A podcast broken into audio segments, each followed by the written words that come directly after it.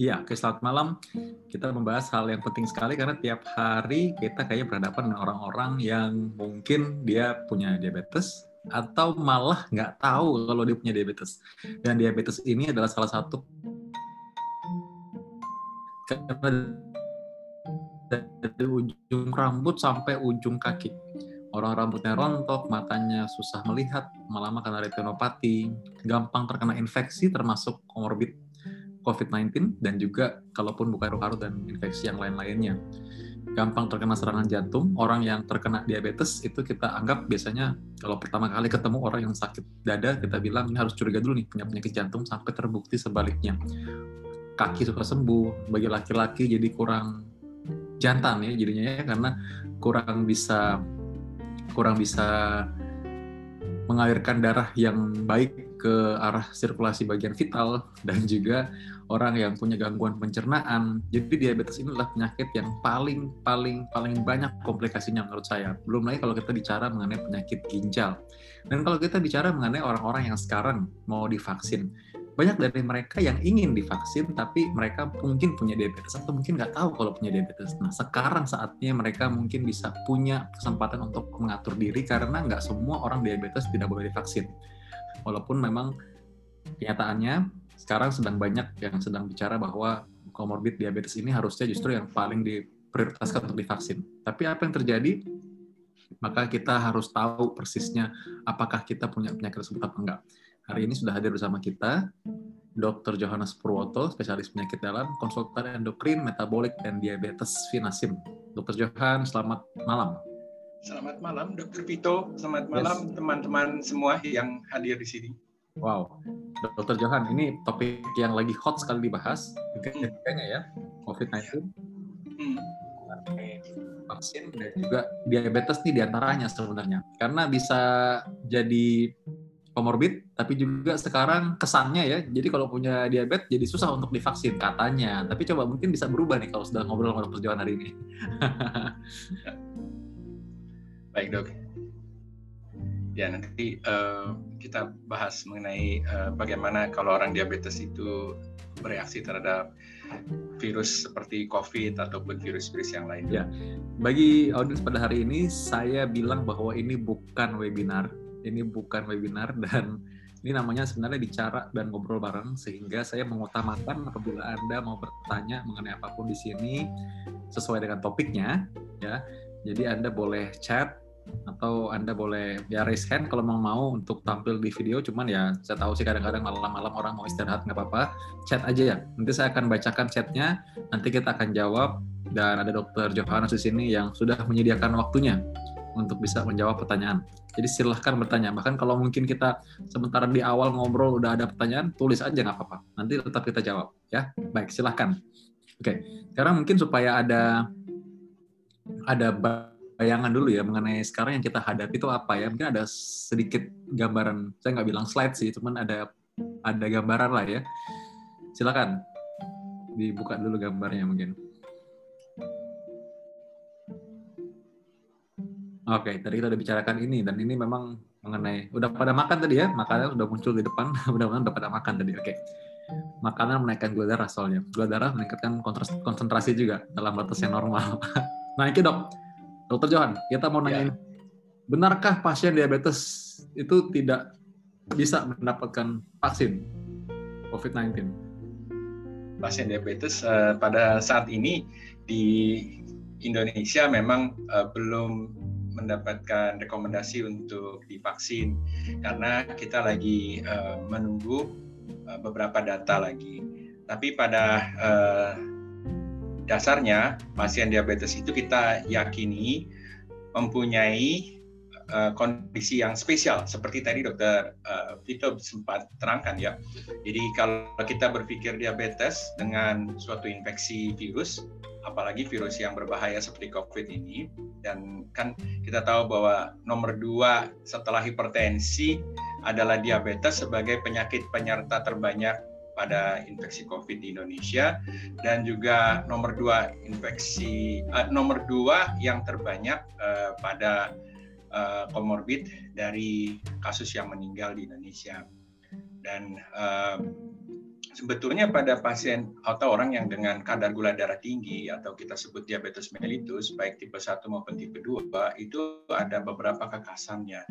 Yaitu orang yang dengan diabetes mempunyai risiko lebih besar untuk menjadi berat apabila terkena infeksi virus COVID kalau untuk risiko tertular atau risiko terinfeksi sebetulnya itu tergantung dari banyak faktor. Jadi misalnya kalau yang sering bepergian, yang sering kumpul kumpul-kumpul, tidak menggunakan 3M atau 5M itu tentu lebih berisiko daripada yang uh, tidak yang menggunakan uh, eh, 3M.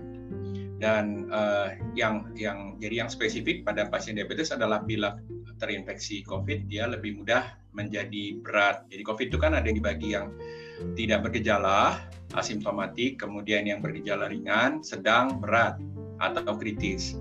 Nah, pada diabetes itu dia mudah masuk dari ringan, kemudian ke sedang, kemudian menjadi berat, kemudian kalau berat membutuhkan uh, perawatan di rumah sakit tentunya dan di antara yang dirawat di rumah sakit kalau ada diabetes lebih mudah masuk ke ICU intensive care unit di mana perawatannya lebih intensif. Lalu di dalam ICU dia lebih uh, membutuhkan ventilator dan terakhir lebih uh, mudah terjadi kematian pada orang dengan diabetes. Nah itu dia yang jadi uh, uh, pertimbangan utama. Kemudian sebetulnya pada orang diabetes itu ada beberapa hal-hal uh, spesifik dong. Jadi orang diabetes itu biasanya mempunyai gangguan dalam hal sistem imunnya. Jadi sebelum infeksi itu uh, masuk juga dia udah punya gangguan sistem imun. Kemudian setelah infeksinya masuk, nah itu infeksinya lebih uh, lebih mudah ya untuk uh, merajalela seperti yang tadi disebutkan. Kemudian pada orang yang uh, diabetes itu biasanya sudah ada penyakit komorbid. Misalnya yang paling sering kita dengar adalah hipertensi dan penyakit jantung dan pembuluh darah. Nah ini dokter Vito bentar mungkin nerangin penyakit jantung apa aja sih yang sering terjadi pada pasien diabetes ya dok ya. Juga pembuluh darahnya mudah rusak. Itu disebabkan karena pada diabetes itu terjadi uh, sifat namanya keracunan akibat kadar glukosa darah yang tinggi meracuni pembuluh darah di seluruh tubuh termasuk yang di jantung juga pembuluh darah besar lain misalnya yang di otak kemudian juga di organ uh, pria barangkali kalau tadi disebutkan kemudian juga pembuluh darah kaki kemudian uh, di ginjal lalu menyebabkan komorbid namanya atau penyakit penyerta jadi di organ-organ lain juga ada penyakit lain yang uh, sudah ada sebelum terinfeksi suatu infek uh, coronavirus misalnya. Lalu dalam keadaan sudah punya bekal uh, penyakit diabetes dan komorbid-komorbid tadi, penyakit penyerta yang lain apabila terkena uh, infeksi coronavirus. Nah, itu menjadi seperti uh, kita menyiramkan bensin ke dalam uh, api dalam sekam gitu ya. Kemudian nanti itu mudah cepat membakar. Nah, itu dia bahayanya orang dengan diabetes. Lalu uh, pada uh, keadaan uh, diabetes itu kan pembuluh darahnya mudah rusak, sedangkan pada coronavirus itu terjadi uh, gangguan pembekuan darah, kemudian uh, gangguan pembekuan darah tadi akan mempercepat uh, proses kerusakan di seluruh tubuh, tidak hanya di paru-paru. Jadi kalau uh, kita takut bahwa infeksi ini menyebabkan batuk, pilek, demam, itu betul. Tetapi di luar daripada itu, kita juga takut bahwa terjadi uh, inflamasi di seluruh tubuh, sehingga uh, nanti pembuluh darah seluruh tubuh bisa mengalami kerusakan lalu sistem pembekuan darah menjadi terpicu untuk terjadi bekuan darah di mana-mana. Nah, itu menyebabkan mudah terjadi serangan jantung. Nanti dokter Vito bisa jelaskan lebih jauh, kemudian bisa terjadi uh, stroke atau uh, gangguan yang lain di organ tubuh yang lain karena pembuluh darah di seluruh tubuh itu bisa mudah menggumpal ya. Dan karena itu kita harus uh, memikirkan semuanya. Nah, pada uh, pasien diabetes ini beberapa vaksin itu sudah uh, di lakukan uji coba dan sudah menyertakan pasien diabetes. Memang pada uh, penelitian-penelitian yang di luar itu banyak yang menggunakan vaksin yang berbeda dengan yang saat ini kita dapatkan akan dapatkan dalam waktu dekat.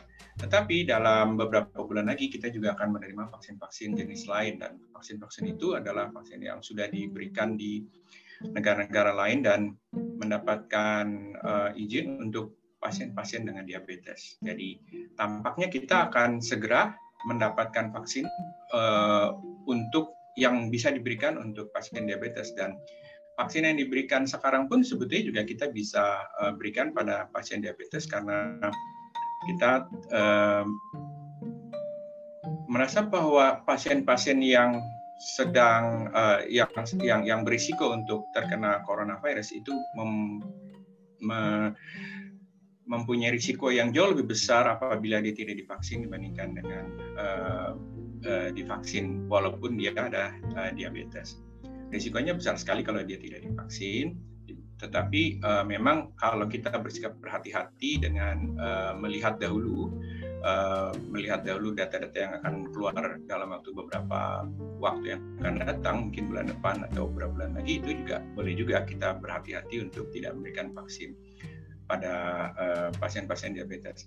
Lalu kalau diambil uh, jalan tengah itu kita berhati-hati, tetapi kita juga uh, memberikan pada pasien dengan diabetes yaitu menggunakan ketentuan misalnya HbA1c tertentu untuk diberikan vaksin atau tidak diberikan dahulu vaksin, maka itu juga bisa dilakukan.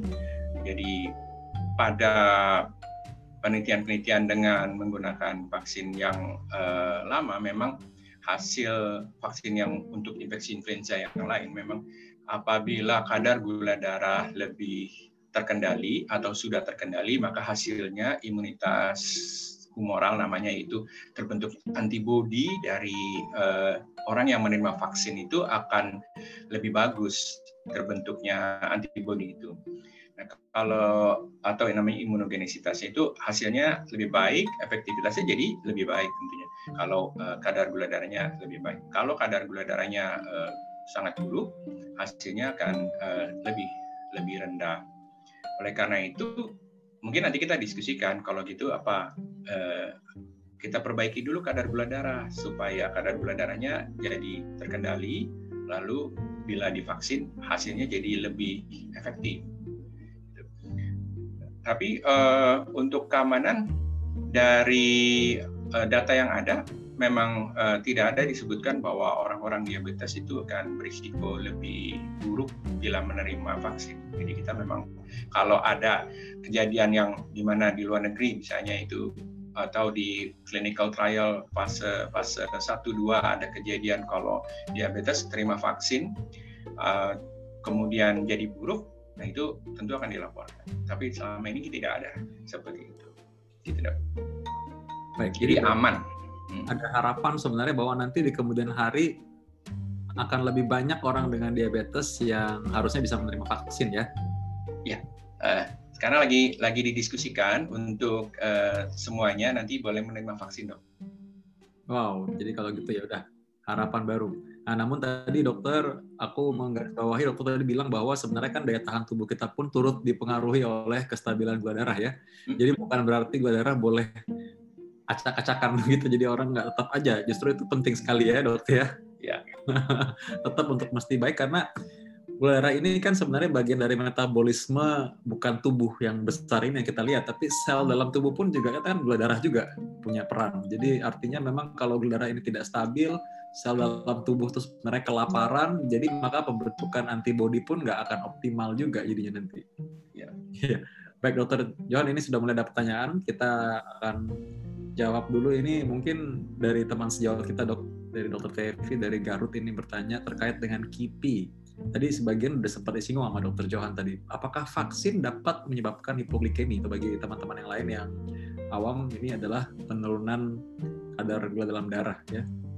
Karena kemarin nakes kami di rumah sakit laki-laki usia 28 tahun 10 menit post vaksin mengalami mual dan pusing, tiba-tiba kejang dan menggigil menurut pengakuan habis jaga malam, sekarang pasien masuk HCU dan sudah ditangani. Dari hasil lab didapatkan kadar GDS cuma 17 mg per desiliter. Ini dulu deh yang pertama mungkin. Ya, uh, ini satu hal yang uh, menarik, tapi saya prihatin juga bahwa ada kejadian seperti itu ya terhadap uh, nakes di tempat dokter ya dok. Uh, kita akan uh, perhatikan itu bahwa ada kejadian hipoglikemi.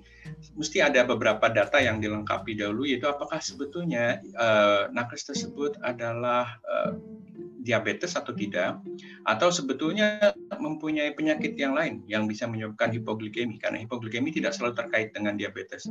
Lalu kalau dikaitkan dengan vaksin, selama ini belum ada laporan di uh, vaksin mana pun yang menyebabkan hipoglikemi. Kalau pada diabetes, kemudian dilakukan vaksinasi, kadang-kadang terjadi reaksi tubuh biasanya reaksi lokal namanya seperti merah-merah, uh, kemudian ada yang menggelembung atau uh, seperti bentol gitu, tapi jarang itu ya. Kemudian reaksi sistemik misalnya jadi lemes, agak lemes, demam, uh, mungkin juga badan pegal-pegal itu. Itu uh, tidak disertai hipoglikemi, malah kadang-kadang uh, terjadi hiperglikemi. Tapi hiperglikeminya tidak seperti ketoasidosis atau yang krisis hiperglikemia Nah, jadi kalau ada hipoglikemi ini adalah hal yang baru. Nanti uh, mungkin kita uh, japri untuk uh, ada apa dengan dengan dengan nakesnya tersebut. Tapi kalau secara uh, teoritis dan secara penelitian tidak ada kejadian efek samping hipoglikemi. Kalau terjadi shock anafilaktik, ya memang bisa terjadi semuanya. Baik ini mungkin dokter Tevi kalau berkenan sih ya mungkin boleh menitipkan nomor kontak yang bisa tim kami hubungi sehingga memang yang KIPI ini kan bisa dibahas lebih lanjut mungkin dokter Johan kan akan bahas dengan rekan lewatnya dokter-dokter endokrinolog supaya nanti mengantisipasi. Hanya kalau boleh menambahkan sedikit dok, ini memang ada kejadian yang disebut efek samping, ada juga efek ikutan. Jadi tidak semua kejadian yang terjadi bersamaan ini adalah kejadian berhubungan.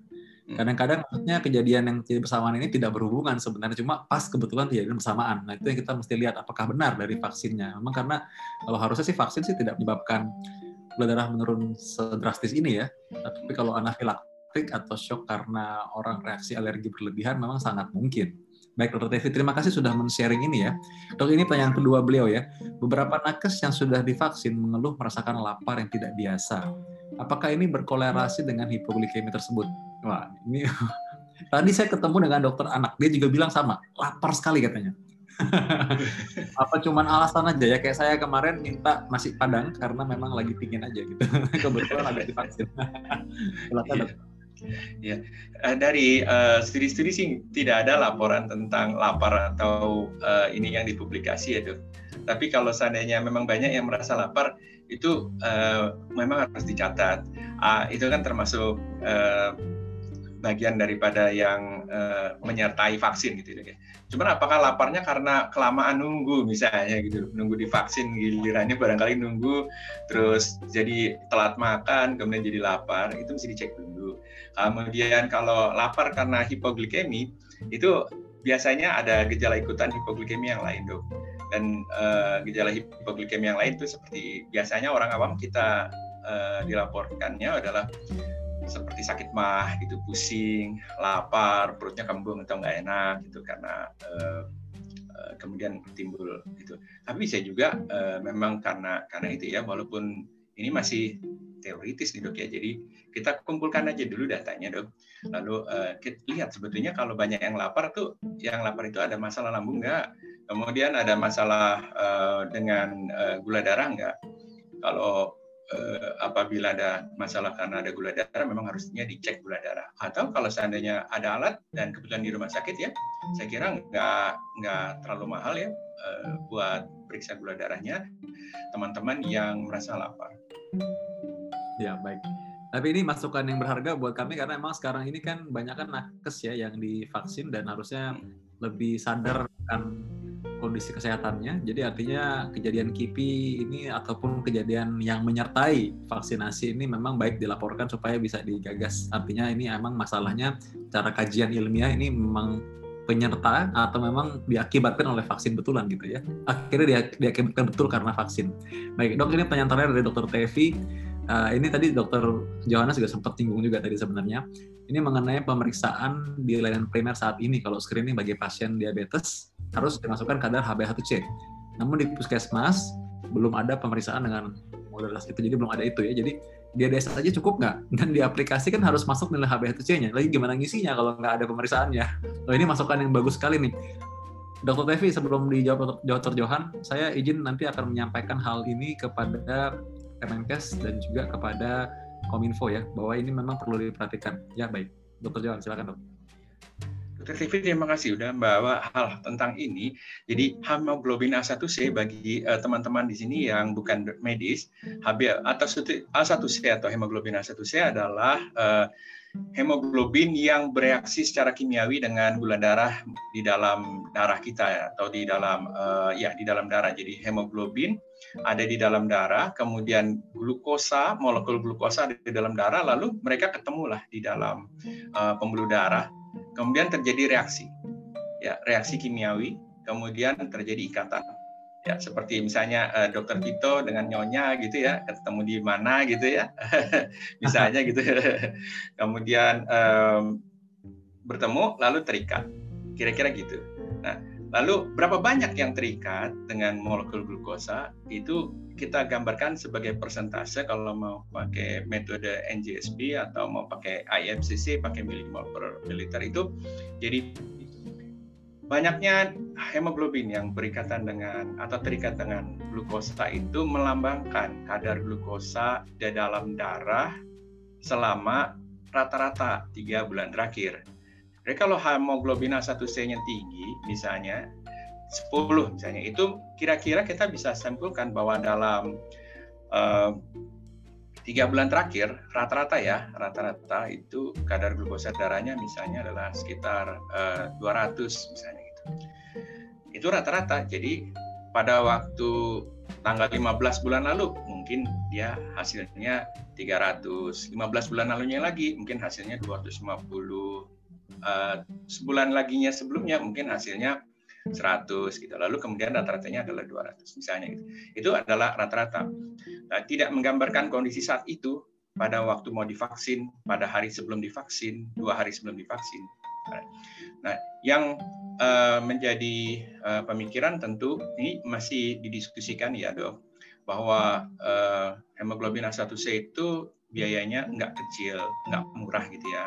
Dan juga nggak semua tempat itu menyediakan atau punya fasilitas hemoglobin A1C apalagi buat nanti beberapa bulan lagi teman-teman kita ataupun yang sekarang nakes kita yang ada di uh, suatu pulau atau ada di uh, katakanlah yang di daerah yang agak jauh dari fasilitas laboratorium yang punya pemeriksaan hemoglobin A1C tentu nggak nggak mudah untuk dia mesti pergi ke suatu tempat laboratorium untuk periksa hemoglobin A1C dahulu kemudian dia balik lagi ke tempatnya baru kemudian nanti divaksinasi. Itu tentu nggak uh, praktis dan uh, mungkin malah menimbulkan masalah baru yang lain. Oleh karena itu apalagi sekarang kan PSBB uh, dan PPKM gitu ya jadi justru mobilitas harusnya dibatasi. Nah, oleh karena itu kalau uh, saat ini uh, sedang diwacanakan untuk uh, tidak menggunakan hemoglobin A1C, tetapi uh, melihat kondisi uh, aktual saat itu pada calon vaksin. Jadi kalau dia lagi mengalami dekompensasi metabolik namanya atau istilahnya metaboliknya sangat terganggu, seperti misalnya dia lagi muntah-muntah, uh, ketosis, ketoasidosis, atau sebaliknya hipoglikemi barangkali gitu, uh, dan uh, gula darahnya lagi tinggi banget atau lagi rendah banget, rendah itu di bawah 70 biasanya dok ya. Nah itu tidak dianjurkan vaksin pada saat itu, tetapi memang lagi diusulkan untuk kriteria HbA1c itu tidak di tidak dijadikan pertimbangan yang utama vaksin aja kecuali hemoglobin eh sorry kecuali dekompensasi metabolik tadi uh, sedang keadaan berat kemudian uh, memang lebih baik tetap pesannya adalah lebih baik kalau divaksin dalam keadaan gula darahnya sudah terkendali. Kalau belum terkendali, nanti hasilnya ditakutkan tidak sebaik yang uh, kalau gula darahnya sudah terkendali.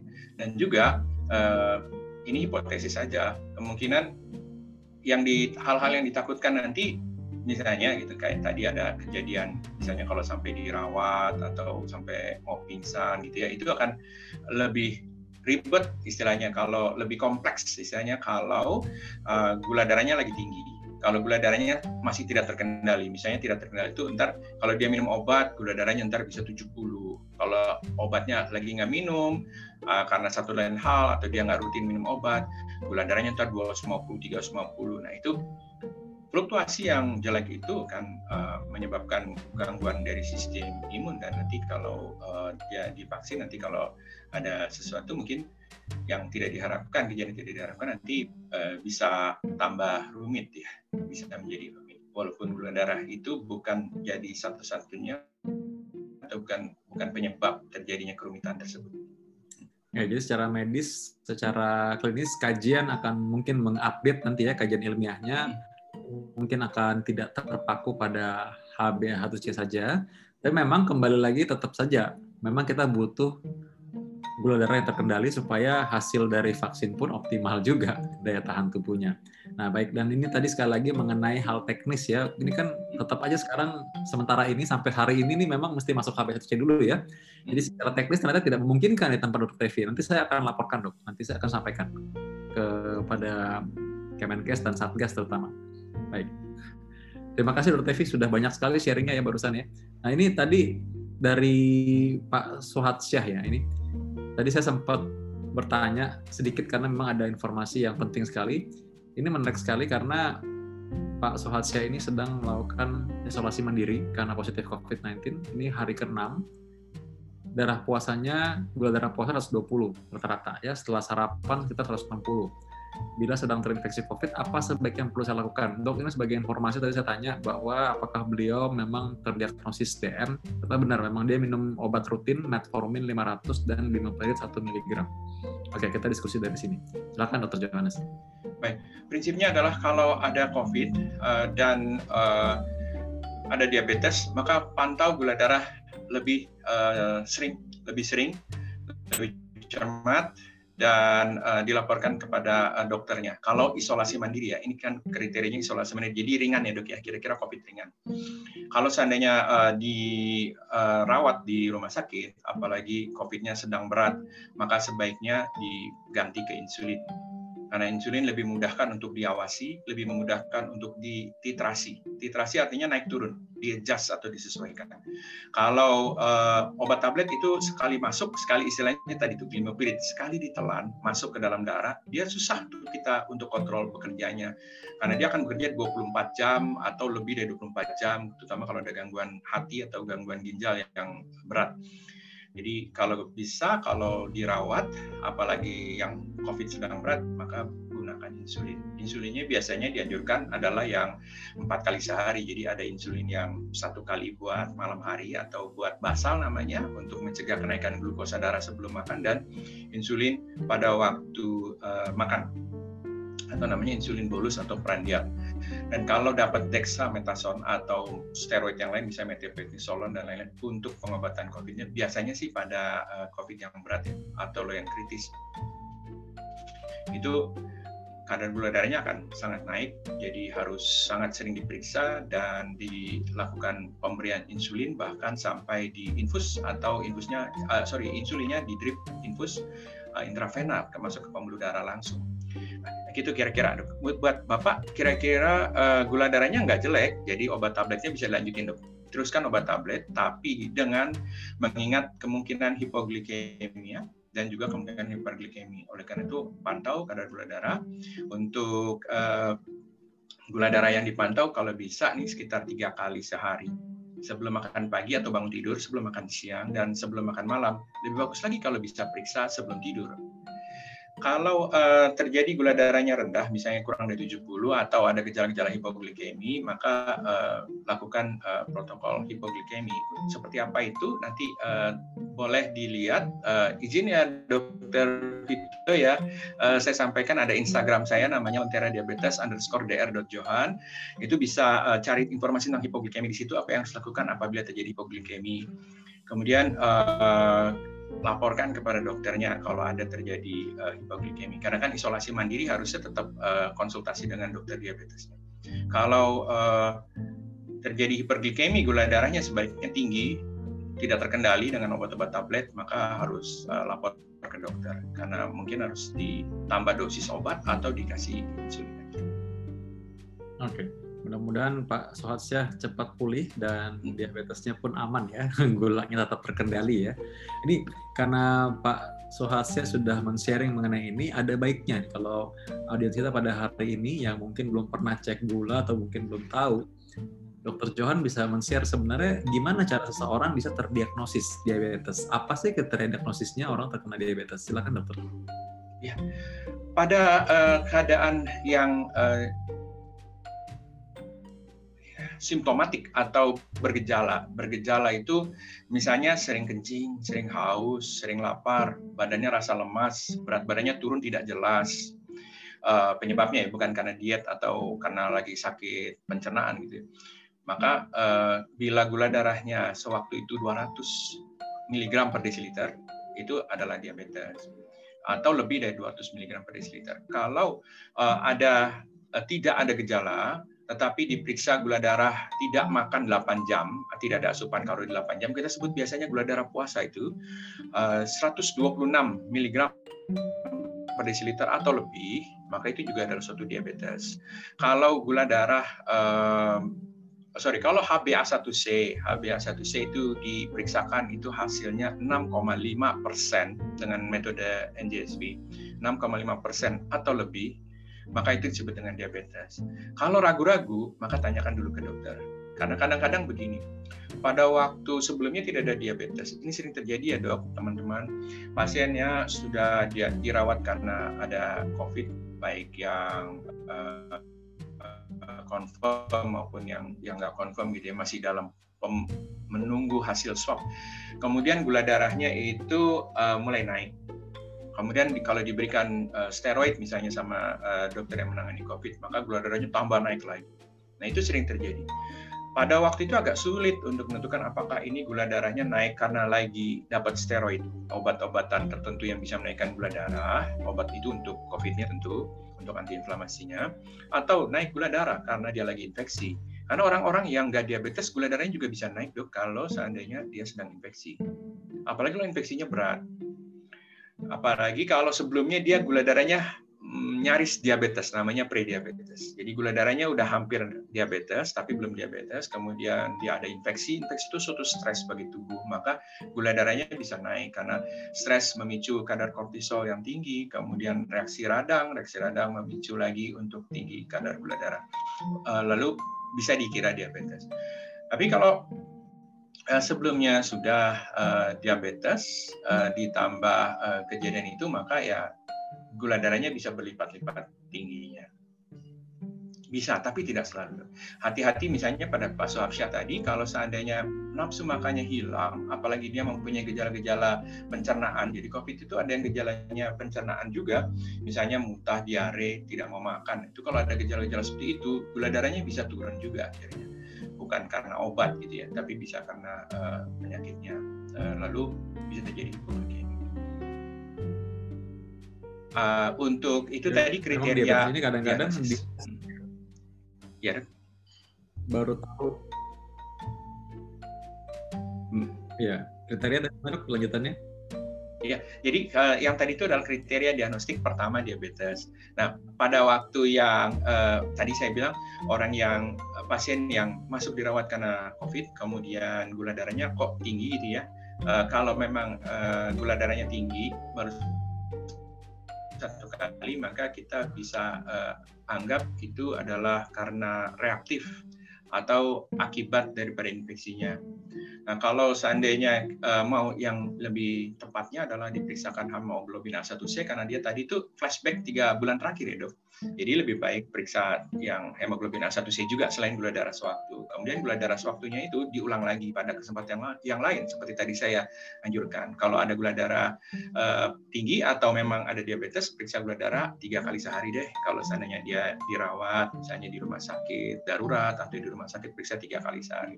Kalau di rumah itu nanti tergantung diskresi dokternya apa kira-kira gula darahnya tinggi banget atau tinggi dikit atau atau gimana. Nah, tapi intinya dipantau lagi, diperiksa dua kali. Kalau memang dua kali di atas 200 misalnya ya gula darahnya, maka kita anggap diabetes dulu deh sebelum nanti ternyata oh kalau diperiksa hemoglobin A1C-nya kalau nanti mampu mampu laksana untuk periksa hemoglobin A1C ternyata normal. Jadi dia uh, mungkin diabetes uh, kemudian ditambah uh, infeksi COVID atau dia sebetulnya nggak diabetes tapi karena ada infeksi COVID kemudian gula darahnya melonjak sesaat.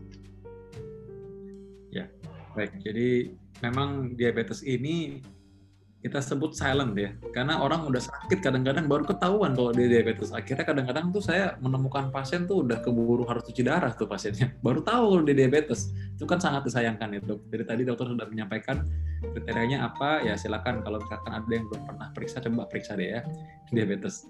Nah baik. Dok ini memang tadi terkait lagi mengenai KIPI ya dari ini Lia Wanadriani ya Sejauh ini adakah data terkait KIPI bagi pasien diabetes sama seperti orang umumnya? Ya maksudnya mungkin data-data mengenai KIPI lah, pasien-pasien dengan DM.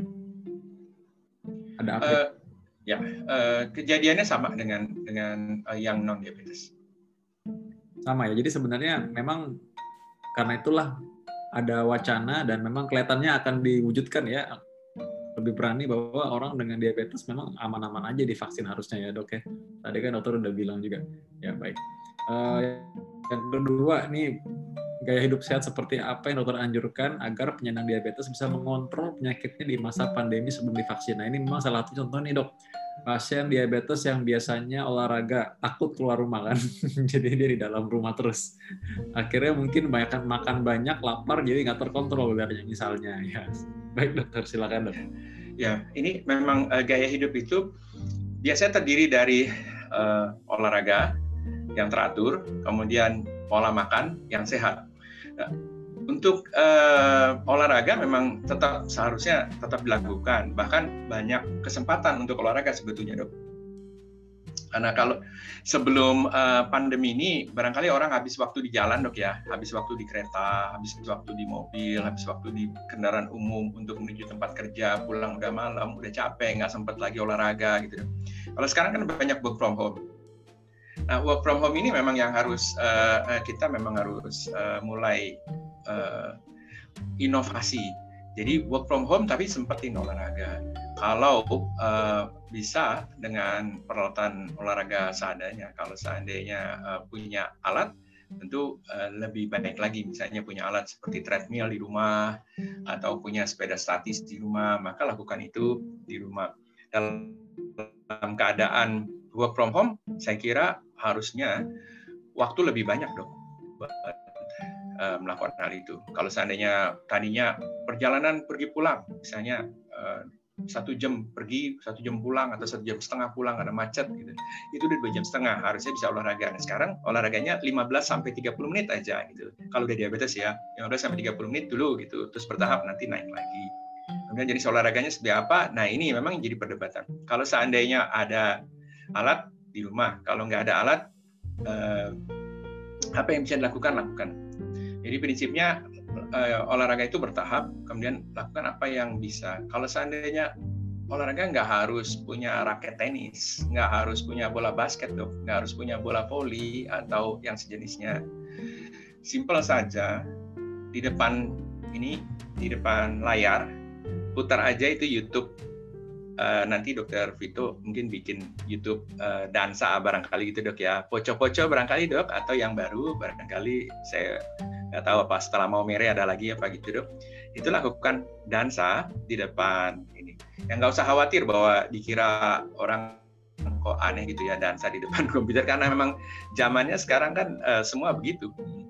Uh, lalu kita bisa bayangkan bahwa kira-kira beberapa tahun yang lampau 10-15 tahun lampau mungkin orang tua kita yang nggak pernah ngelihat gadget gini mungkin akan merasa aneh bahwa anak cucunya itu uh, kok sekarang ngomong sama layar gitu ya ngomong sendiri sama layar gitu misalnya kita nggak usah merasa aneh. Jadi dan saja di rumah di depan layar gitu dok. Nanti mungkin uh, ada sesi khusus dari Dokter Vito tentang bagaimana caranya menyiasati bisa tetap olahraga, bahkan lebih bagus lagi daripada sebelum itu dok, karena punya waktu spare waktu yang agak lebih luas. Kalau seandainya dulu rapat tuh mungkin harus harus pakai jas, dasi dan lain-lain ya dok ya. Sekarang mungkin rapat bisa pakai celana training dan kaos olahraga lalu sembari lari-lari gitu dok ya. Barangkali di depan uh, komputer misalnya. Bisa. Ada. Ada kan misalnya uh, treadmill atau sepeda statisnya di depan komputer, layar komputer itu itu bisa diakalin. Nah, kemudian uh, pola makan. Nah, ini yang sering jadi masalah nih, Dokter Vito. Kan kebetulan punya punya sesuatu tuh, Dok. Nanti mungkin pesan Dokter Vito nih makanan yang sehat kayak apa tuh, Dok? Apa namanya? Lasal apa, apa Dok? Lezat ya, Dok ya. Oh, ya. nanti mungkin ada sesi sendiri dari Dokter Vito bagaimana caranya makanan yang sehat. Tapi intinya makanan yang sehat yang yang yang sehat lah kalau bisa. Yang sederhana aja ya tipsnya ya buat teman-teman di sini yang yang uh, bukan dokter kalau seandainya uh, di rumah usahakan kalau ngemil itu ngemil yang relatif lebih sehat. Kalau bisa ya. Uh, jadi hindari tergoda untuk uh, karena work from home kemudian uh, di kulkas barangkali atau di dapur banyak makanan yang manis itu itu dihindari godaan-godaan itu hmm, ya. Coklat susu manis uh, apalagi uh, uh, permen roti manis kue manis sirup ah, apalagi dibikin yang yang yang jadi kompilasi itu apa namanya itu kayak es teler dan sejenisnya dok ya. Atau makanan yang berlebihan itu dihindari. Kemudian uh, dilakukan uh, apa saling mengingatkan. Saya saran saya anggota keluarga saling mengingatkan. Kalau misalnya suami kepada istri, istri kepada suami dan juga anak dan juga orang tuanya untuk untuk saling mengingatkan menjadi jadi pengingat bahwa kalau misalnya kira-kira nih bapak udah makan udah terlalu banyak nih. Eh, jangan dong jangan terlalu banyak. Karena eh, nanti terlalu banyak kalori yang masuk sedangkan hanya work from home tanpa olahraga itu tentu akan menimbun lemak dan menyebabkan mudah diabetes. Kalau udah diabetes menyebabkan gulanya akan naik. Dan kalau gula naik itu tadi seperti tadi itu uh, sempat disinggung di awal bahwa kalau terpapar virus maka mudah jadi berat. Nah, dok ini karena sudah disinggung mengenai terpapar dan akhirnya orang-orang yang mungkin baru pertama kali mengalami diabetes ya new onset gitu. Apakah benar anggapan dari orang-orang kebanyakan yang mengatakan bahwa diabetes ini karena keturunan aja. Jadi kalau nggak ada keturunan diabetes, nggak akan diabetes. Ya, memang itu ada benarnya, tetapi nggak seluruhnya benar, dok. Jadi pada uh, penelitian itu orang-orang yang diabetes tipe 1 maupun tipe 2 itu ada faktor genetiknya. Dan faktor genetiknya sudah bisa diperiksa sih sekarang dengan periksa uh, namanya hmm, gen gen uh, gen testing ya dok ya. Jadi semua gen diperiksa gitu. Jadi nanti akan kelihatan gen-gen apa. Masalahnya ada diabetes tipe 1 itu mempunyai gen yang banyak dan gen-gen itu ada ada ada banyak sekali gitu yang yang yang yang memudahkan orang yang punya gen tersebut mudah untuk jadi diabetes tipe 1. Lalu diabetes tipe 2 juga punya gen yang lebih banyak lagi dan itu interaksi antara satu gen, dua gen, tiga gen atau beberapa gen yang yang ada itu tidak serta merta menjadikan orang itu pasti diabetes. Jadi para ahli berpendapat bahwa gen aja nggak cukup untuk menjadikan orang-orang jadi diabetes. Tetapi environment atau lingkungan itu akan membentuk gen tersebut yang ada di dalam tubuh kita yang kita nggak sadari kecuali kita periksa itu. Lalu muncul menjadi penyakit diabetes apabila ada faktor lingkungan yang uh, melekat pada tubuh seseorang. Misalnya tadi pola makan yang tidak sehat atau under exercise atau tidak aktif secara fisik. Jadi banyak uh, duduk, terlalu banyak uh, tidur misalnya gitu atau uh, tidak aktif olahraga. Nah, itu interaksi antara gen-gen lebih dari satu gen dengan uh, aktivitas fisik dengan pola makan yang tidak sehat kemudian terjadi kegemukan lalu ada uh, interaksi lagi dengan sistem imun dan lain-lain dan dan uh, ada namanya uh, uh, mikro mikroba di dalam usus uh, dan lain-lain faktor lagi yang lagi diselidiki itu interaksi itu yang menyebabkan seseorang jadi diabetes atau enggak. Jadi kalau seandainya uh, bilang saya nggak ada keturunan diabetes, sebetulnya belum tentu karena gennya kan nggak pernah diperiksa. Kalau gennya diperiksa mungkin ada. Dan kalau pada orang yang uh, diabetes itu pasti ada kalau diperiksakan. Gitu. Cuman nggak diperiksakan. Ada tapi nggak diperiksa aja ya gitu ya. Jadi nggak tahu sebenarnya. Nah, dok ini mengenai diabetes ini kan ada orang tentunya sudah tahu dan sebagian orang sudah paham bahwa itu tentu berhubungan dengan pola hidupnya. Nah, apakah seorang yang memang punya pola hidup yang banyak makan manis, lalu akan jadi kencing manis, orang yang mungkin kegemukan itu memang hampir pasti akan diabetes. Kalau tidak, anggaplah terlepas dari ada tidak adanya gen tadi yang dokter sudah sebutkan tadi. Ya ini kebalikan dari pertanyaan tadi ya, Jawabannya adalah kalau orang pola hidupnya nggak sehat, apakah pasti jadi diabetes itu? Ya. Itu ternyata tidak juga. Jadi ada orang-orang yang uh, pola makannya uh, istilahnya uh, nggak sehat, tapi dia nggak pernah jadi diabetes. Tapi pola makan yang nggak sehat itu akan menjadikan biasanya orang yang nggak diabetes, orang itu nggak jadi diabetes, tapi dia jadi penyakit lain. Misalnya uh, kolesterol tinggi, atau darah tinggi, atau dua-duanya, tekanan darah tinggi, kemudian uh, beberapa penyakit lain, misalnya asam urat dan lain. Dan itu nanti efeknya ke pembuluh darah dan jantung. Nah, tapi kalau uh, obesitas tadi ya, kalau dari pola makan nggak sehat kemudian terjadi obesitas, itu memang memudahkan diabetes, tetapi nggak selalu bawa obesitas dan ini pasti akan jadi diabetes. Nah ini ada ada ada namanya istilah dok metabolically healthy obese. Jadi orangnya gemuk, makannya juga nggak sehat, tetapi dia kalau diperiksa darah itu sehat dok. Nah tapi ternyata, eh, maksudnya nggak diabetes gitu dok ya, nggak diabetes, nggak jantung, nggak ada apa-apa gitu dok ya. Nah tapi lihat aja kalau beberapa tahun kemudian dia terus melakukan pola makan yang sehat, pola olahraga nggak nggak ada olahraga, lihat beberapa tahun lagi atau beberapa belas tahun lagi dia akan timbul penyakit. Itu ada penelitiannya. Metabolic healthy obese nggak jadi diabetes, iya betul, tetapi nanti dalam beberapa tahun dia akan ada penyakit yang lain. Jadi uh, kenapa kok jadi iri dong orang lain ya? Uh, kok misalnya dokter Vito disuruh uh, diet banget gitu ya supaya nggak diabetes kok ya yang lain yang makannya misalnya semua dimakan tapi kok enggak uh, sepuas-puasnya istilahnya sepuas-puasnya gitu ya tapi kok nggak pernah sakit jadi diabetes gitu. Itu ada faktor gen juga.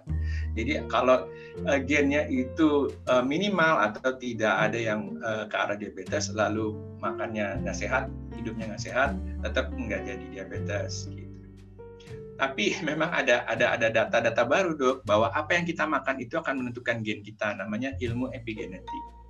Itu lebih jauh lagi agak lebih lebih rumit lagi. Jadi uh, kalau kita makan set, set, pola makan uh, misalnya gitu pola makan orang Indonesia gitu ya dengan pola makan orang di uh, suatu negara yang yang di Afrika gitu misalnya itu pola makannya itu berbeda. Kita makannya banyak nasi dan uh, uh, karbohidrat gitu ya Lalu orang di Afrika itu barangkali dia negaranya sangat uh, gersang, nggak banyak tunggu makanan gitu ya. Jadi dia makannya apa adanya. Nah itu uh, dalam waktu lama itu uh, terjadi perubahan uh, dari dari gennya. Jadi apa yang dia makan itu memang nanti akan membentuk uh, gennya.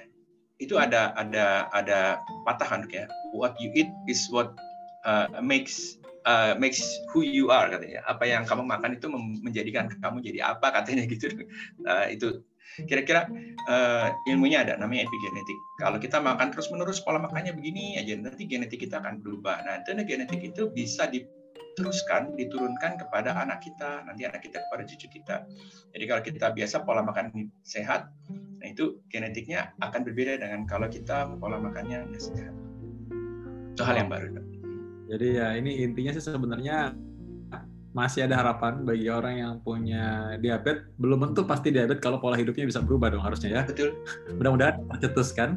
Dan juga satu lagi ya memang tadi intinya bahwa memang walaupun ada orang yang kelihatannya nih gemuk tapi happy gitu ya. ada gitu kan, oh gemuk nih happy nih berarti. Yeah. Ya, tapi satu ketika ada penyakit lain yang muncul ya. Mungkin bukan diabetes ya. Orang kalau gemuk kan ada aja yang muncul ya. Mungkin taunya karena banyak makan berlemak mungkin jadi batu empedu misalnya gitu ya. Atau mungkin jadi osteoartritis mesti dioperasi kan lututnya. Ya. atau hal yang lain atau varises soalnya. Paling sering varises jadi orang diabetes apa orang yang gemuk gitu ya. Contoh itu. Jadi ya intinya tetap harus kita menjaga karena kita nggak bisa mengontrol siapa yang akan terjadi mengenai penyakit. Jangan coba-coba. Ya oke. Okay. dok saya izin dok nanya pertanyaan yang lain lagi karena ini ternyata sudah ada pertanyaan baru ya dari yang lain. Tadi saya mau bahas yang lain tapi sudah kita jawab pertanyaan dulu karena janjinya bahwa ini adalah bukan webinar tapi diskusi dan banyak interaktifnya. Dari Pak Hardiansah Pemering ini jika pasien post COVID yang sudah sembuh dari COVID harusnya sudah di rumah sejak lima hari lalu Terus GDS-nya, gula darah sewaktunya terakhir tadi pagi 377. Kondisi pasien saturasi selalu naik turun, memerlukan oksigen. Namun ketika saturasi oksigen turun menjadi 85 sampai 90 habis mandi atau sholat, pasien tidak merasakan sesak, hanya merasa terlalu letih dan nafas ngos-ngosan. Oksigen diberikan 2 liter per menit. Informasi dari DPJP, pasien memang ada pneumonia ringan akibat COVID bagaimana mensiasati agar saturasi oksigen stabil tanpa oksigen? Dan bagaimana mensiasati gula darah semakin tinggi. Wah ini kayaknya ini maksudnya Pak Hardiansa mungkin boleh ditulis di chat aja. Sambil kita jawab uh, sebagian tapi Pak Hardiansa mungkin kasih keterangan juga ini post covid maksudnya Bapak udah dinyatakan sembuh atau belum? Maksudnya apa? Sementara dirawat lima hari atau gimana? Lagi isolasi mandiri ya? Karena berbeda nih nanti nanti konteksnya. Baik dokter, ini mungkin kita bahas dulu gula darahnya 377 ya. Hmm. Oke. Okay. Ya, kalau uh, saya ngelihat gula darah tinggi gitu ya sedih ya dok, karena ini apalagi post covid, covid apalagi covid, apalagi kalau lagi covid gitu ya, apalagi kalau covid yang fase eh, uh, 10 hari pertama, kemudian fase 14 hari pertama, kemudian kalau dia udah sembuh ya tetap juga sih. Uh, apa yang terjadi itu uh, gula darah 377 itu di dalam tubuhnya akan terjadi uh, kekacauan karena gula tinggi menyebabkan organ-organ nggak berfungsi dengan baik, pembuluh darah nggak berfungsi dengan baik. Uh, pembuluh darah itu kan ada di dalam di dalam pembuluh darah itu ya lubang ya dok ya uh, itu bidangnya dokter Vito juga nih. Itu pembuluh darah dilapisi oleh uh, endotel ya dok. Endotel itu jadi rusak kalau seandainya gula darahnya tinggi.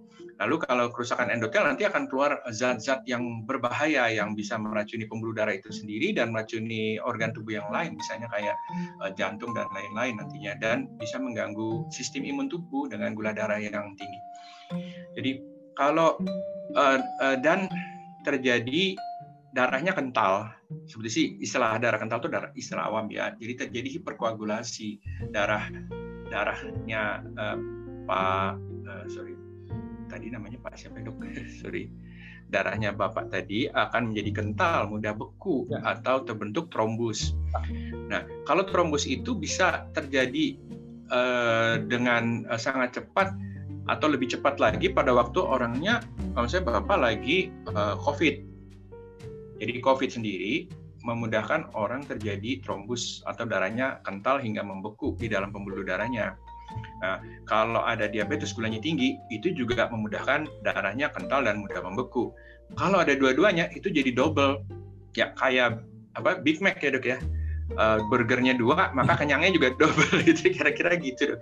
Tapi ini berbahaya Pak, karena gula darahnya tinggi, itu ditambah masih COVID, itu mudah terjadi hiperkoagulasi, lalu mudah terjadi bekuan darah. Nah, kalau bekuan darahnya terjadi di jantung, bisa serangan jantung. Urusannya nanti repot sama dokter Pito, di kateter dan di stent dan lain-lain ya dok.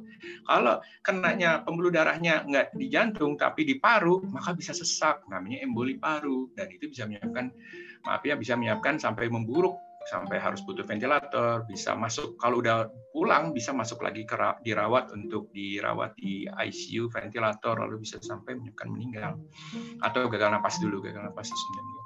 Kalau uh, sudah selesai uh, uh, udah selesai COVID-nya udah nggak diisolasi lagi dok, udah kembali ke rumah, udah bekerja seperti biasa, tetap ada ada fase-fase setelah COVID, ada pada beberapa orang ada uh, perubahan dari sistem kentalan tubuh itu masih belum pulih seperti sedia kala. Jadi nanti uh, hati-hati.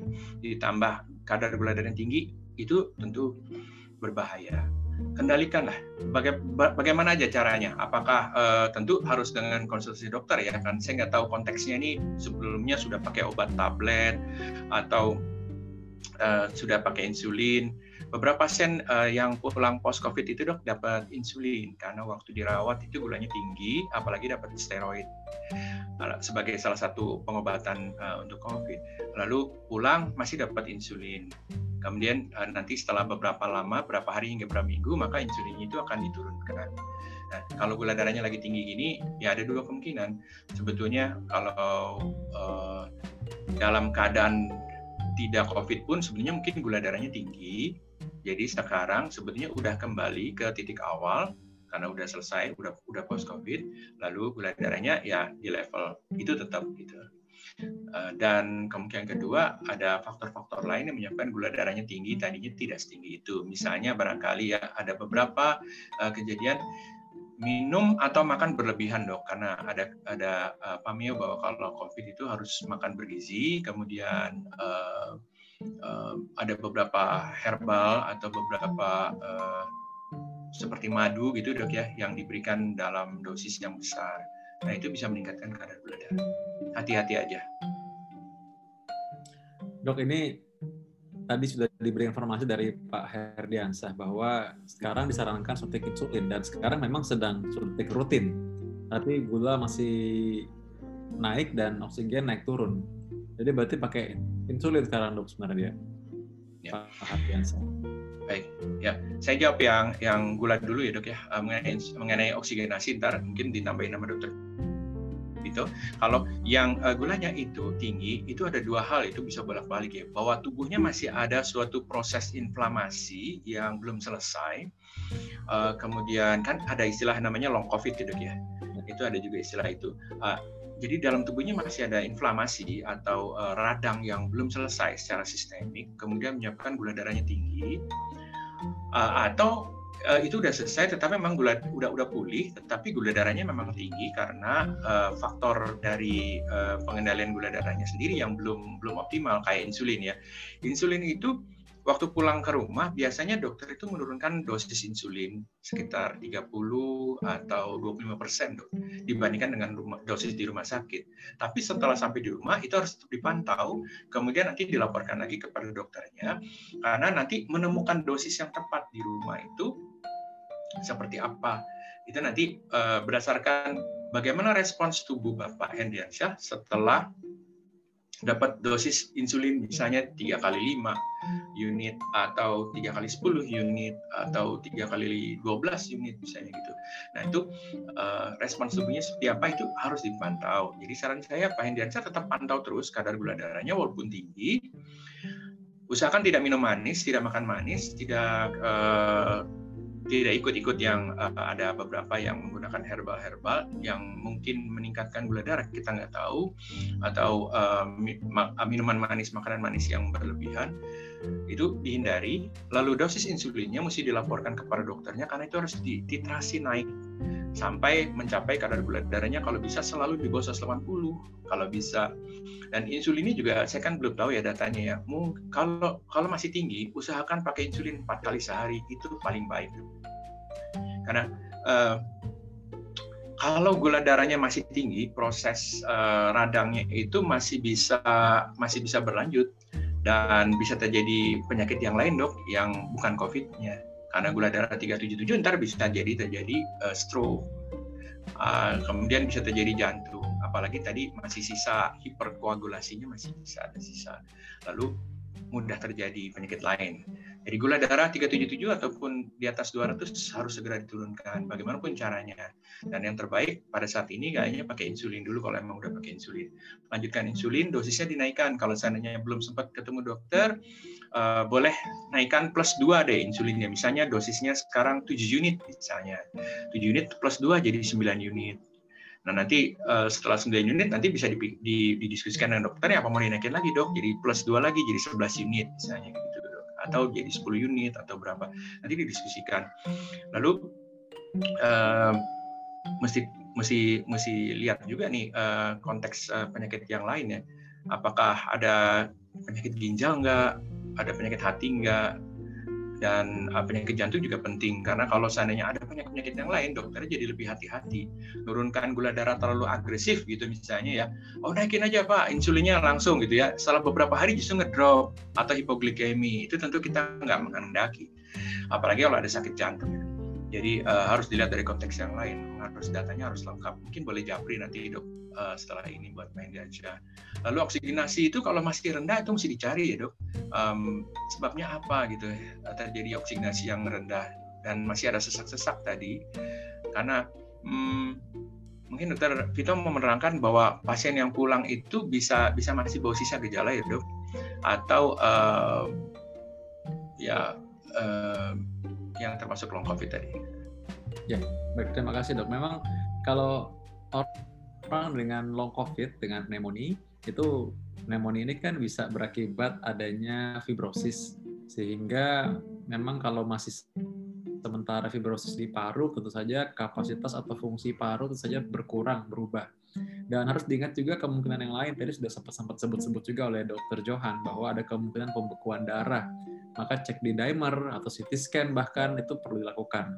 Setidaknya evaluasi kondisi paru ya setelah COVID itu kalau memang masih ada saturasi turun, se saran saya sih saat ini mendingan Bapak besok kontrol lagi Pak. Kontrol ke dokter kembali dan maksudnya coba lihat perlu CT scan paru dan tadi periksa cek laboratorium, coba cek HB, lalu cek uh, di dimer. Di dimer itu adalah salah satu parameter pembekuan darah Lalu tidak ada salahnya juga ikut memeriksa fungsi jantung karena pada sebagian orang dengan COVID kan juga menderita yang namanya miokarditis pada orang-orang yang tidak dirawat di ruang intensif itu 15%, tapi yang dirawat di ruang intensif malah sampai hampir 50%, 49% tepatnya. Jadi sebaiknya mungkin dievaluasi lebih dalam lagi Pak, nanti langsung periksa mungkin ya. Pak karena kalau saya lihat 85 sampai 90% itu harusnya malah uh, dalam keadaan Bapak lagi aktivitas yang cukup ringan ya, mandi dan sholat, mestinya Bapak mestinya coba periksa lebih jelas. Baik Pak, mudah-mudahan saya harap nggak apa ya Pak Herdiansah. Saya cukup khawatir nih Bapak kondisi seperti ini, mudah-mudahan nggak apa-apa ya. Uh, baik, ini data dari salah satu rekan sejawat juga, Dr. Indra Mayanti. Izin bertanya bagaimana cara kerja vaksin COVID-19 karena beberapa teman setelah vaksin merasa lemas. Oh ini tadi sebenarnya sempat dijawab juga tapi boleh uh, secara singkat lagi apakah memang hipoglikemi efek samping dari vaksin, Dokter Johan? Enggak. Enggak dok, selama ini belum ada uh, data dan belum ada laporan tentang hal itu, tentang hipoglikemi. Saran saya mungkin buat uh, besok-besok adalah teman-teman uh, nakes yang mau uh, vaksin itu dalam keadaan fit misalnya dalam keadaan jangan hindari dalam keadaan kecapean, misalnya jaga yang terlalu lama atau terlambat makan, itu hindari. Kalau bisa dalam keadaan fit ya dok, kalau bisa. Dan kalau ada kejadian uh, seperti hipoglikemi, uh, tolong dicek dulu gula darahnya, apakah berapa lama. Dan uh, gula darah rendah itu dalam konteks uh, sedang hipotensi atau tidak. Kalau mengenai cara kerja vaksin itu uh, sebetulnya sama seperti uh, vaksin-vaksin yang lain adalah uh, materi uh, mat, uh, untuk untuk yang vaksin virus yang uh, dimatikan ya atau inactivated itu adalah uh, bagian daripada uh, epitop virus itu dipaparkan uh, kepada uh, antigen presenting cell nanti uh, diteruskan kepada Eh, bagian daripada sel darah putih yang namanya leukos, uh, limfosit. Uh, lalu uh, limfosit itu akan membentuk uh, terjadi membentuk imunoglobulin. Imunoglobulin itu uh, imunoglobulin yang bersifat netralisir, menetralisir atau neutralizing antibody uh, itu akan besok-besok uh, begitu ada materi virus lagi yang masuk ke dalam tubuh, dia akan mencaplok dan menetralisir ya tentu nggak cuma uh, itu saja, nanti juga dia akan manggil uh, teman-teman yang lain. Uh, tidak hanya antibodi saja. Ya. Ya, baik. Terima kasih, hmm. Dokter Ramayanti. Mudah-mudahan sih dokter bisa divaksin dengan baik dan tanpa ada komplikasi atau kip tadi ya. Lalu dok dari ini dari di Lampung ini saya mungkin memberikan kesempatan kepada Dokter Johan mungkin tarik napas sebentar ya. ya. Izin bertanya, ada yang menderita asma, sudah tidak kambuh, tidak pernah sesak lagi, ya harusnya berarti stabil. Diabetes tidak terkontrol, apakah dapat vaksin COVID-19, maka harusnya sih bisa-bisa saja. ya. Apalagi tadi sudah dibahas bahwa Harusnya kalau diabetes terkontrol harusnya sih bisa. Dan asma tidak ada kejadian akut saat ini pun harusnya boleh-boleh aja. Kemudian Bun Diah nanti ketika saatnya tiba bisa divaksin. ya baiknya dari teman nakes juga ini Bidan Indah. Ya baik. Izin bertanya, oh itu Bang Ramdan disapa ya.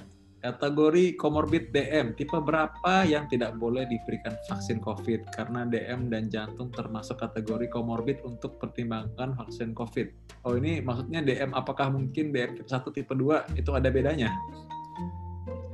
Saat, saat ini uh, dari uh, dari dunia endokrinologi sih nggak ada bedanya memang uh, dari di Amerika itu CDC itu masih mengutamakan diabetes tipe 2 gitu ya.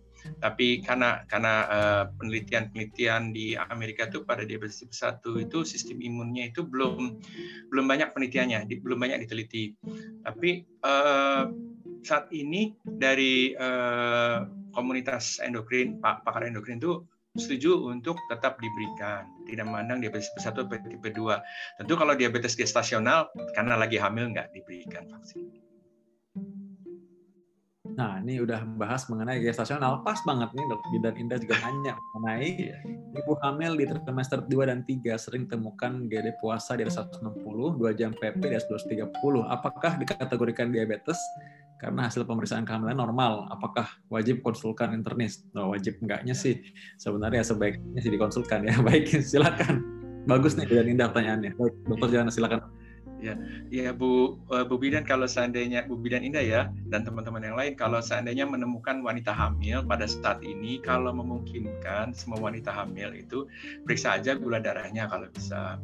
Kalau bisa uh, gula darahnya uh, diperiksakan boleh sewaktu. Kalau seandainya nggak memungkinkan boleh gula darah puasa. Kalau seandainya waktunya bisa misalnya dia puasa dulu besokannya gitu ya. Puasanya cukup 8 jam saja.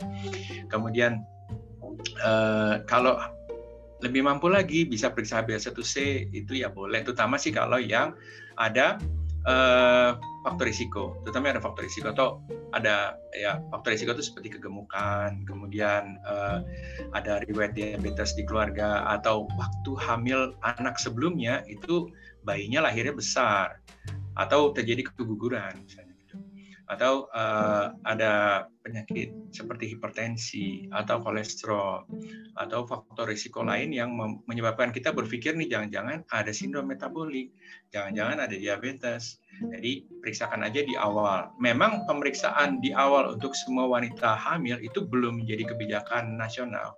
Tetapi dari para pakar itu sekarang ini kalau memungkinkan, kalau bisa periksakan. Tapi nggak boleh paksa memang.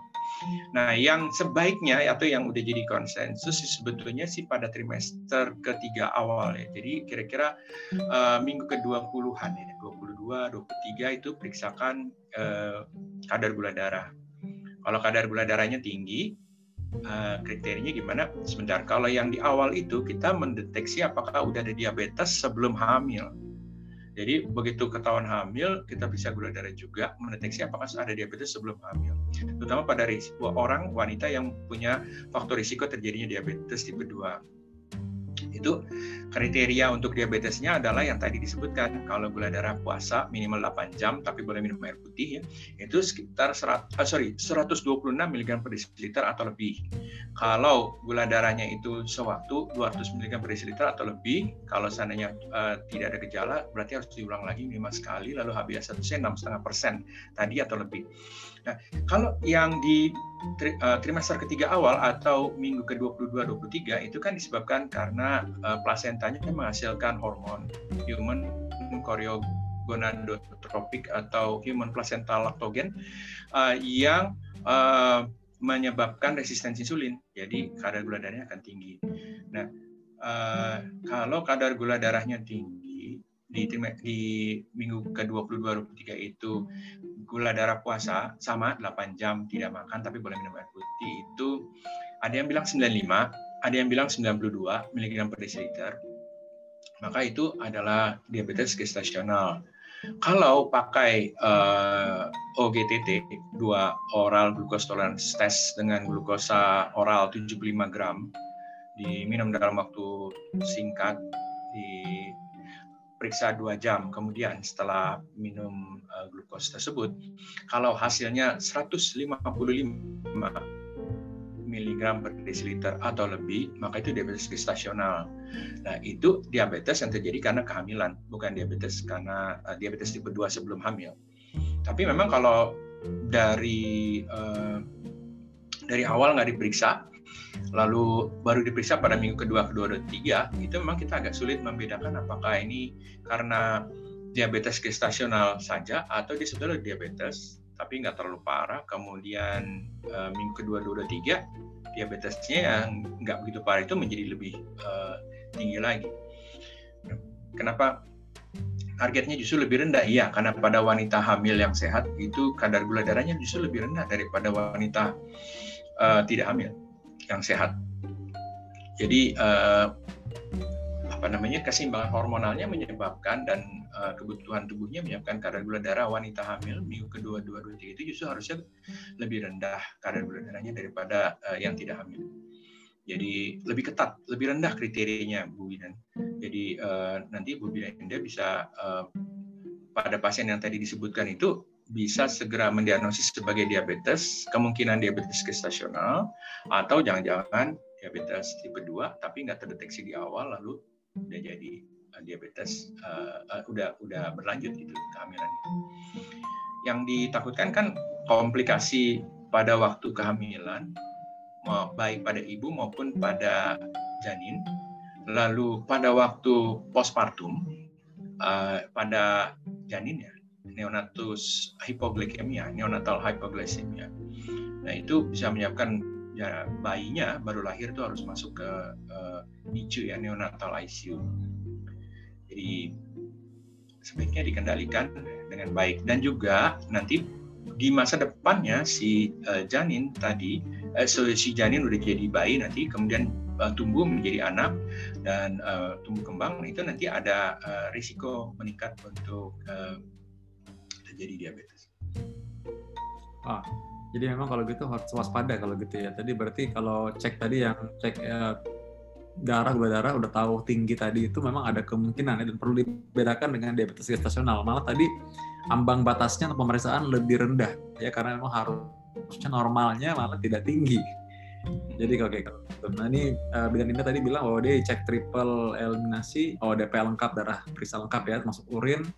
Dan memang kalau diulang dia memang nggak punya HbA1c di puskes sama seperti rekan sejawat tadi dokter Tevi tadi ya. Jadi memang ya amannya baiklah konsul internis dulu lah ya kalau gitu ya supaya tidak terjadi komplikasi pada kandungan pada jaminan. Baik dan ini, ini masukan yang bagus sekali tadi. Dok ini mungkin dok tadi ada yang penting mengenai tadi kita sudah bahas mengenai HbA1c udah berkali-kali ya.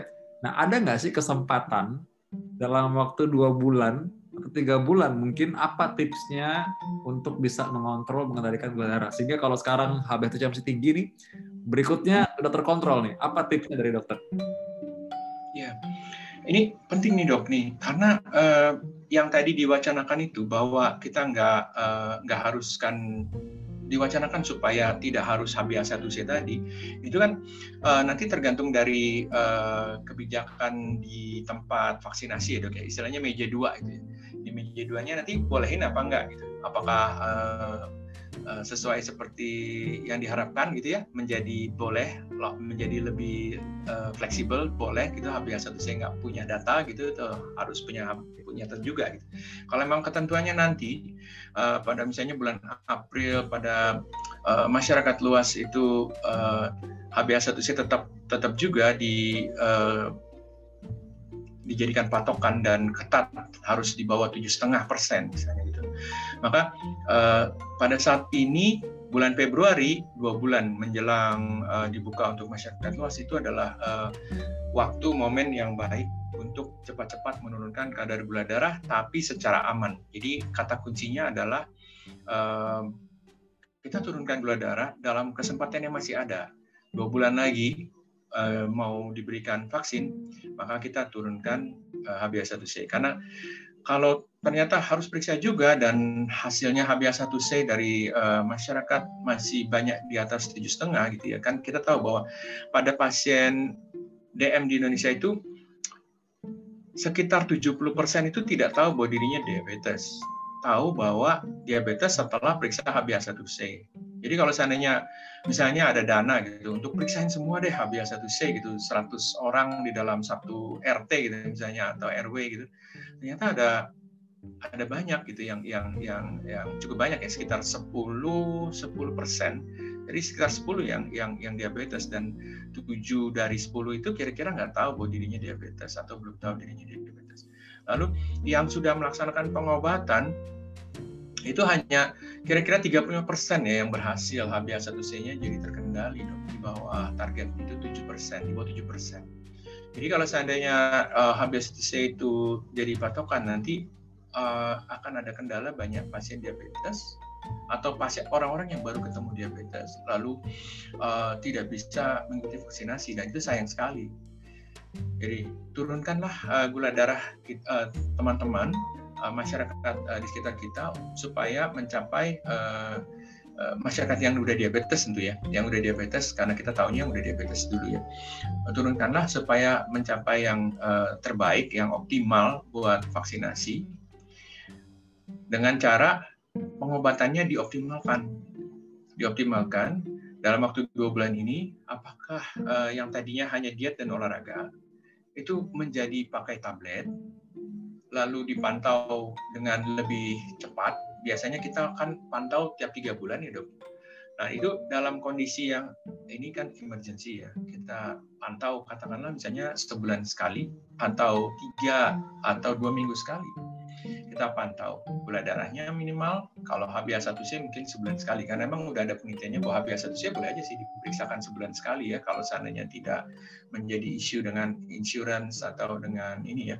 Kita bisa uh, minta pasien untuk melakukan pemeriksaan HbA1c setiap bulan sekali. Jadi dalam, kalau pengobatan kita benar arahnya dan uh, uh, yang melakukan yaitu penyandang diabetesnya itu juga bagus melaksanakannya olahraga teratur, diet uh, yang sehat dan minum obat secara teratur, maka HbA1c akan turun.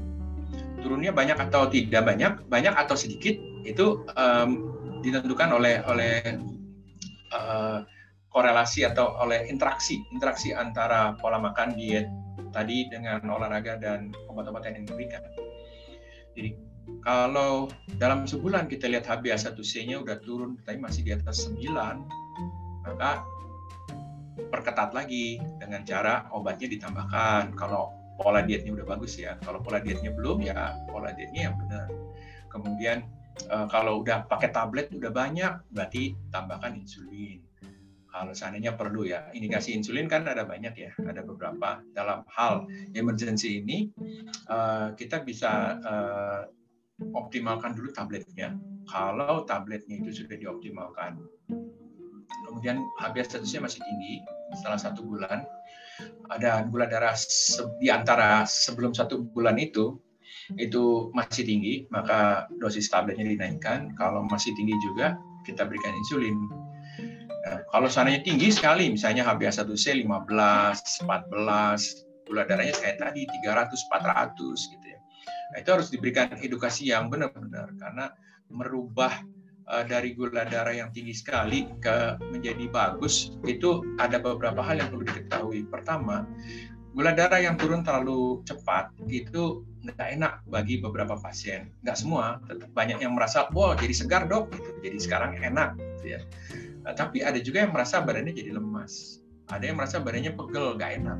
Ya, karena gula darah yang terlalu drastis menukik tajam itu bisa bisa pada beberapa orang ya nggak banyak itu ada uh, gangguan neuropati Kemudian kalau udah ada retinopati sebelumnya memang bisa uh, terjadi uh, masalah dengan retinopatinya tersebut.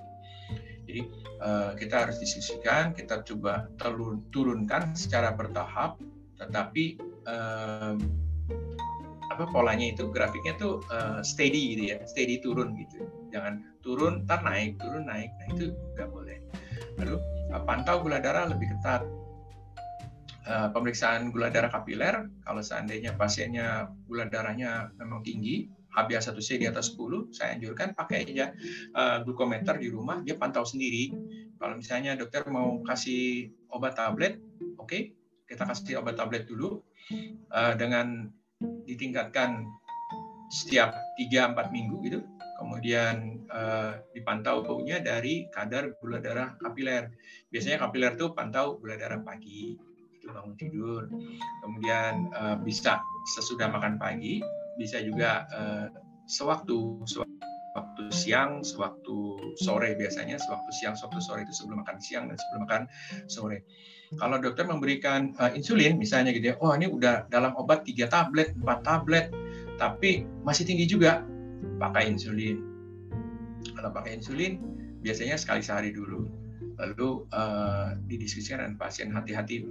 Uh, kadang-kadang beberapa pasien itu keburu ingin cepat nurunin gula darah, apalagi tahu ini tinggal sebulan lagi nih waktunya nih sebelum vaksin daripada nanti ditolak buru-buru aja deh. Uh, nah itu minum dietnya terlalu ketat, nggak biasanya makan cuma tiga sendok, tiba-tiba makannya di tiga sendok gitu. Kemudian uh, pakai bantuan herbal atau obat-obat lain yang dijual online yang yang yang bukan dari dokter gitu ya. Sekarang ada banyak seperti itu. Ditambah tadi dokternya menambahkan, mengintensifkan dengan insulin misalnya gitu. Nah itu bisa jadi ngedrop. Hati-hati. Jadi, uh, intinya adalah kita turunkan secara bertahap tetapi uh, terukur gitu ya terukur dan dengan komunikasi yang jelas antara tenaga kesehatannya antara dokternya yang merawat uh, dan uh, ada selain komunikasi juga ada edukasi nah ini yang penting dok edukasi pada zaman COVID ini agak sulit terus terang melakukan edukasi karena dokternya pakai masker, uh, pasien juga pakai masker, kadang-kadang pakai uh, penutup kepala dan lain-lain, jadi nggak begitu dengar juga. Dokternya juga mesti teriak-teriak ngomongnya. Biasanya ngomongnya agak panjang, jadi sesak dokternya kalau seandainya ngomong ya. Edukator juga gitu ya dok, edukator di poli gitu. Jadi memang komunikasi itu udah ada penelitiannya bahwa pada pas, pada era pandemi ini pada pasien diabetes banyak yang jadi kacau. Jadi yang tadinya HbA1c-nya 7, enam setengah itu jadi kacau karena ada namanya disrupsi selama era pandemi. Karena uh, satu dokter, uh, sorry saya, saya jadi agak agak agak memanjang ya dok. Satu pasien itu takut ke dokter atau takut ke fasilitas kesehatan. Kedua, uh, beberapa pasien itu banyak itu ini di dunia ya, bukan cuma di Indonesia, di dunia. Itu uh, berhenti minum obat karena akses ke obat-obatannya itu jadi uh, dia takut ke tempat pengobatan atau ngambil obat. Atau dia harus uh, isolasi mandiri atau dia harus uh, nggak boleh keluar dari daerahnya gitu. Kalau di daerah-daerah yang uh, apa namanya terisolasi, kemudian dia nggak bisa masuk. Biasanya kalau uh, berobat misalnya ke dokter Vito gitu di uh, Karawaci gitu misalnya gitu, tiba-tiba misalnya Karawacinya itu nggak boleh menerima orang dari luar gitu ya. Nah itu obatnya jadi nggak nggak nggak seperti biasanya, obatnya habis, putus obat. Nah itu sering terjadi. Kemudian karena kontak erat dengan dokter, dengan edukator diabetes itu putus, itu menyebabkan uh, semangatnya berkurang. Jadi support psikologisnya juga berkurang. Lalu edukasinya juga agak sulit ya karena uh, nggak nggak banyak uh, yang menyediakan misalnya kayak telekonsultasi atau sejenisnya itu uh, nggak banyak atau mungkin justru banyak ya tapi uh, nggak tahu apakah sesuai nggak dengan dengan yang yang seharusnya gitu buat orang dengan diabetes sesuai kebutuhan orang dengan diabetes apalagi yang udah rumit seperti tadi uh, Pak Hendarsyah, Pak Suhatsyah dan lain-lain. Kalau seandainya kebutuhannya udah banyak banyak yang mesti diterangin misalnya itu uh, agak repot gitu.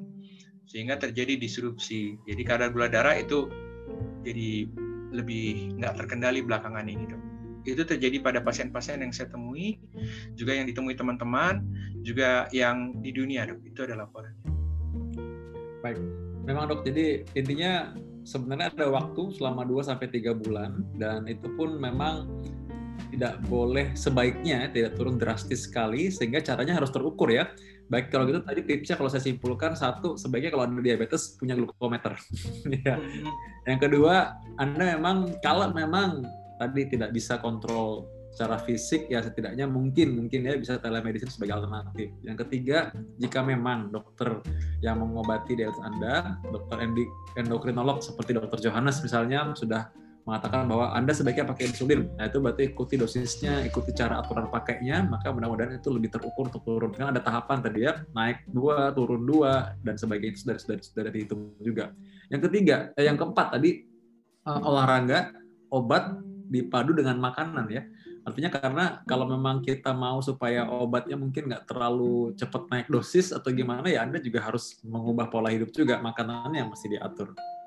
Wow, wow. Jadi harusnya masih ada kesempatan dan ini saya harapkan memberikan semangat dan harapan ya buat Anda semua yang mungkin sudah punya diabetes atau yang mungkin belum tidak mau kena diabetes, maka ada caranya untuk mencegah. Itu kabar baik buat kita sama saat ini. Oke, baik Dokter Johan, saya mau memberikan uh, slide yang terakhir ini soal tadi mengenai pola hidup memang tidak mudah untuk kita buat bisa makan yang teratur dan makan yang baik. Namun memang artinya sudah sangat dibantu dengan kita tahu bahwa makanannya tadi ya kita nanti mungkin akan lain kali kalau Dr. Johannes berkenan kita akan bahas mengenai makanan apa yang bersih apa yang baik untuk darah kita dan memang untuk membuat makanan yang baik dan sehat itu bukan cuma enak aja itu memang sulit tidak mudah. Tapi sudah ini memang ada salah satu yang antara uh, alternatif yang lain itu adalah Lesalt tadi ya yang sudah memberikan contoh. Ya Anda boleh hubungin sih. Lihat aja kalau memang Anda tertarik Anda bisa lihat ada pilihan menu di sana. Dan memang menu di sana itu ya memang mereka akan memakai bahan-bahan yang harusnya indeks glikemiknya baik untuk orang diabetes berbagai macam. Anda boleh coba aja hubungin tanya apa yang bisa dari itu contoh makanannya itu. Coba aja Anda bisa ya kalau anda mungkin sibuk dan anda mungkin ya udahlah saya pengen dikirimin aja deh pokoknya dikirimin makanan aja. Boleh pilih menu sendiri misalnya itu ada coba aja lihat menunya apa aja itu ada nomor kontaknya anda boleh kontak catat anda boleh foto sekarang supaya anda bisa kontak setelah ini. Dan baik dokter Johannes dan semua yang ada di sini mudah-mudahan semua sehat. Dokter Johannes terima kasih banyak akan penjelasannya. Kita akan ketemu lagi di berikutnya. Anda bertanya dokter menjawab. Selamat malam semoga selalu sehat semuanya. Terima kasih. Selamat malam semua.